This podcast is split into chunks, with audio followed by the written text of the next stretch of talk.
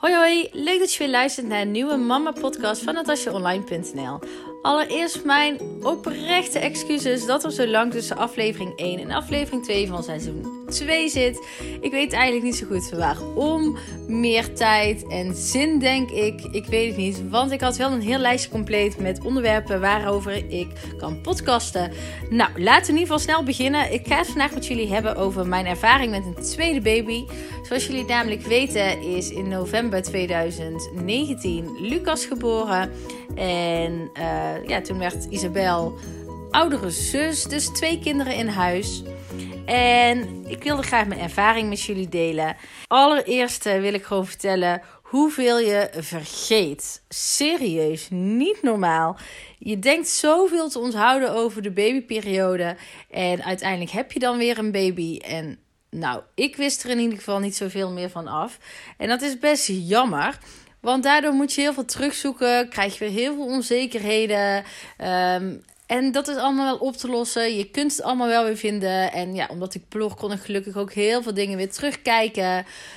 Maar toch, ja, het is best balen als je dan zoveel vergeet. En ik weet niet of ik daar de enige in ben. Maar ik hoor van andere moeders om mij heen toch eigenlijk ook wel dat zij ook, ook wel veel dingen vergeten. Best irritant is dat in ieder geval.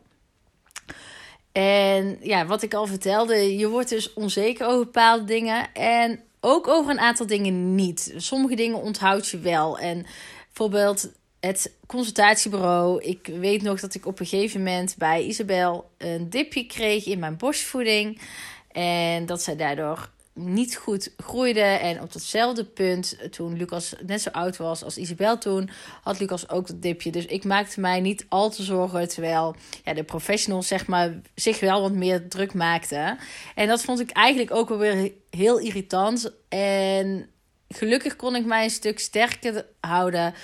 Omdat ik wist dat dit gewoon goed kon gaan. Tuurlijk maak je een beetje zorgen. Je wilt dat het goed gaat. En dat het hetzelfde is als wat het toen was bij je eerste. Ehm, ja, en het bleek eigenlijk ook wel. Maar je bent ook heel bang dat je je toch wel weer in het negatieve laat ompraten en het onzekere. En dat is alles wat ik niet wilde. En dat is ook eigenlijk wel lastig. Maar goed, het hoort er allemaal bij en we zijn er weer doorheen. Wat mij ook opviel met Lucas in vergelijking met Isabel, is dat ik veel sneller, veel makkelijker omging met een baby. Bijvoorbeeld het uit bed halen, het dragen, het verschonen. Alles is weer gewoon, ja, dat doe je één keer en je weet weer hoe het zit. En het gaat zoveel makkelijker dan bij de eerste. En dat vond ik zelf wel heel erg chill. Wat ik nog wel lastig vind is planning. En ja, wanneer gaat Lucas slapen? Wanneer gaat Isabel slapen? Op dit moment krijg ik het redelijk voor elkaar dat zij tegelijkertijd s middags naar bed gaan. En ik weet nog dat die tijden bij Isabel zo anders waren als nu bij Lucas. En ik weet niet of dat komt omdat ik dat deels bewust doe om hun tegelijkertijd te bed te krijgen, zodat ik echt een me-time momentje heb. Of omdat het, om, of omdat het gewoon zo uitkomt. Maar ja, het is wel heel fijn dat ik het op dit moment zo geregeld krijg dat zij tegelijkertijd naar bed gaan.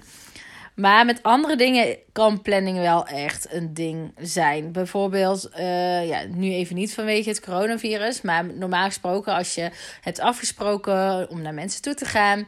Dat je zegt, je bent er zo laat. En wij zitten nu nog steeds dat we dan niet weten hoe laat we ons klaar moeten maken. Hoe laat je bepaalde dingen gedaan moet hebben. Hoe lang je ergens mee bezig bent. En natuurlijk verschilt het ook nog wel een keer per dag. Maar ja, dat we standaard te laat komen is eigenlijk wel een feit. En eigenlijk ook heel irritant. Want ik word daar geen leukere moeder van. Ik ga stressen als we uh, de tijd niet gaan halen die we hebben afgesproken. Word ik chagrijnig, kreeg je dat af op Roy, op mijn man. Ik reageer dat ook af op Isabel. Niet op Lucas, die zijn nog te klein voor, gelukkig. Maar dat is helemaal niet wat ik wil. En dat vind ik enorm irritant. Maar ja, dat gebeurt dan toch. Dus planning is wel echt een dingetje. Nou ja, Lucas krijgt ook borstvoeding. Dus in dat opzicht kan ik niet altijd plannen hoe laat hij moet drinken. Ehm, maar daar heb ik me bij, neergelegd erbij. Ik voed overal, dat maakt me niks uit. Maar het is qua bedtijd voor Isabel soms wel weer een dingetje. Als zij net naar bed moet en ik moet voeden, um, ja, dan is Roy sowieso degene die Isabel op bed moet gaan leggen. Maar als Roy niet thuis is, wat over het algemeen natuurlijk nu ook niet voorkomt, dan is dat wel even lastig dat ik denk, oké, Isabel kan niet om 7 uur naar bed. Ze moet later naar bed, want ik moet eerst voeden. Uh, ja, en eerder op bed doen vind ik dan eigenlijk of haar eerder op bed leggen vind ik dan eigenlijk ook niks. Maar dat is wel een dingetje waar ik mee worstel. Ja, hè, vind ik gewoon vervelend. Planning is sowieso al niet mijn sterkste kant. Maar alles waar je een beetje invloed op hebt, vind ik heel fijn. En dan vind ik het heel irritant als ik er geen invloed op heb. En ja, te laat komen heb ik nooit van gehouden. En nu eigenlijk nog steeds niet. Dus planning met een tweede. Is, misschien ligt het aan mij, ligt het aan ons. Maar is best een dingetje. Zelfs na vijf maanden nog steeds.